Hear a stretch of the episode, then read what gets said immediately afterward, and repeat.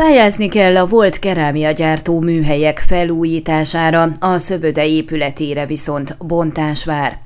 Nem tudja önerőből felújítani a felszámolás után megvásárolt volt kerámiagyártó műhelyeket, illetve az egykori szövödét, a Csíkdánfalvi önkormányzat ezért pályázati támogatásért folyamodik. A volt szövödét ráadásul le kell bontani, mert az ingatlan állapota nem teszi lehetővé a helyreállítást. Noha 2018-ban kötötték meg az adásvételi szerződést, a Csíkdánfalvi önkormányzat csak az elmúlt év végén tudta egységesíteni a volt kerámiagyártó műhelyek könyvek, illetve a szövődett telek könyveit tudtuk meg Bőte Csongor Ernő polgármestertől, aki elmondta, utóbbi ingatlannak nem volt tisztázva a telekkönyve, ezért csak később tudták megvásárolni. Az egykor Csíkdánfalvi fekete kerámiát gyártó üzem épületeinek állapotát időközben felmérték, és ezek felújítás után újra használhatóak lesznek. Erre viszont a község nem tudja a szükséges pénzösszeget biztosítani saját költségvetéséből, ezért pályázati támogatást igényelnek, jelezte a községvezető.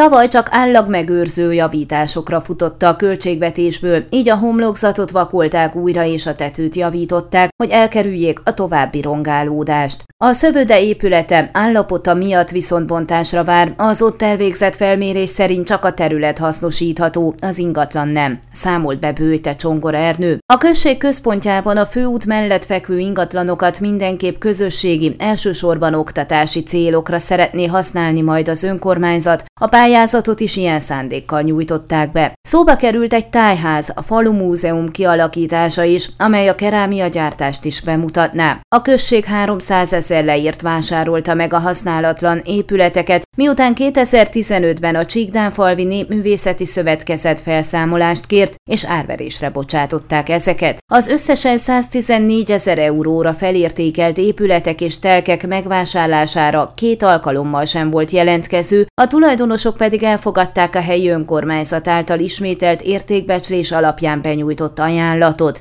A község központjában található volt kerámia gyártó üzem fénykorában az 1960-as évek jelentős számú alkalmazottat foglalkoztatott, akár csak a gyapot és gyapjú szövőde.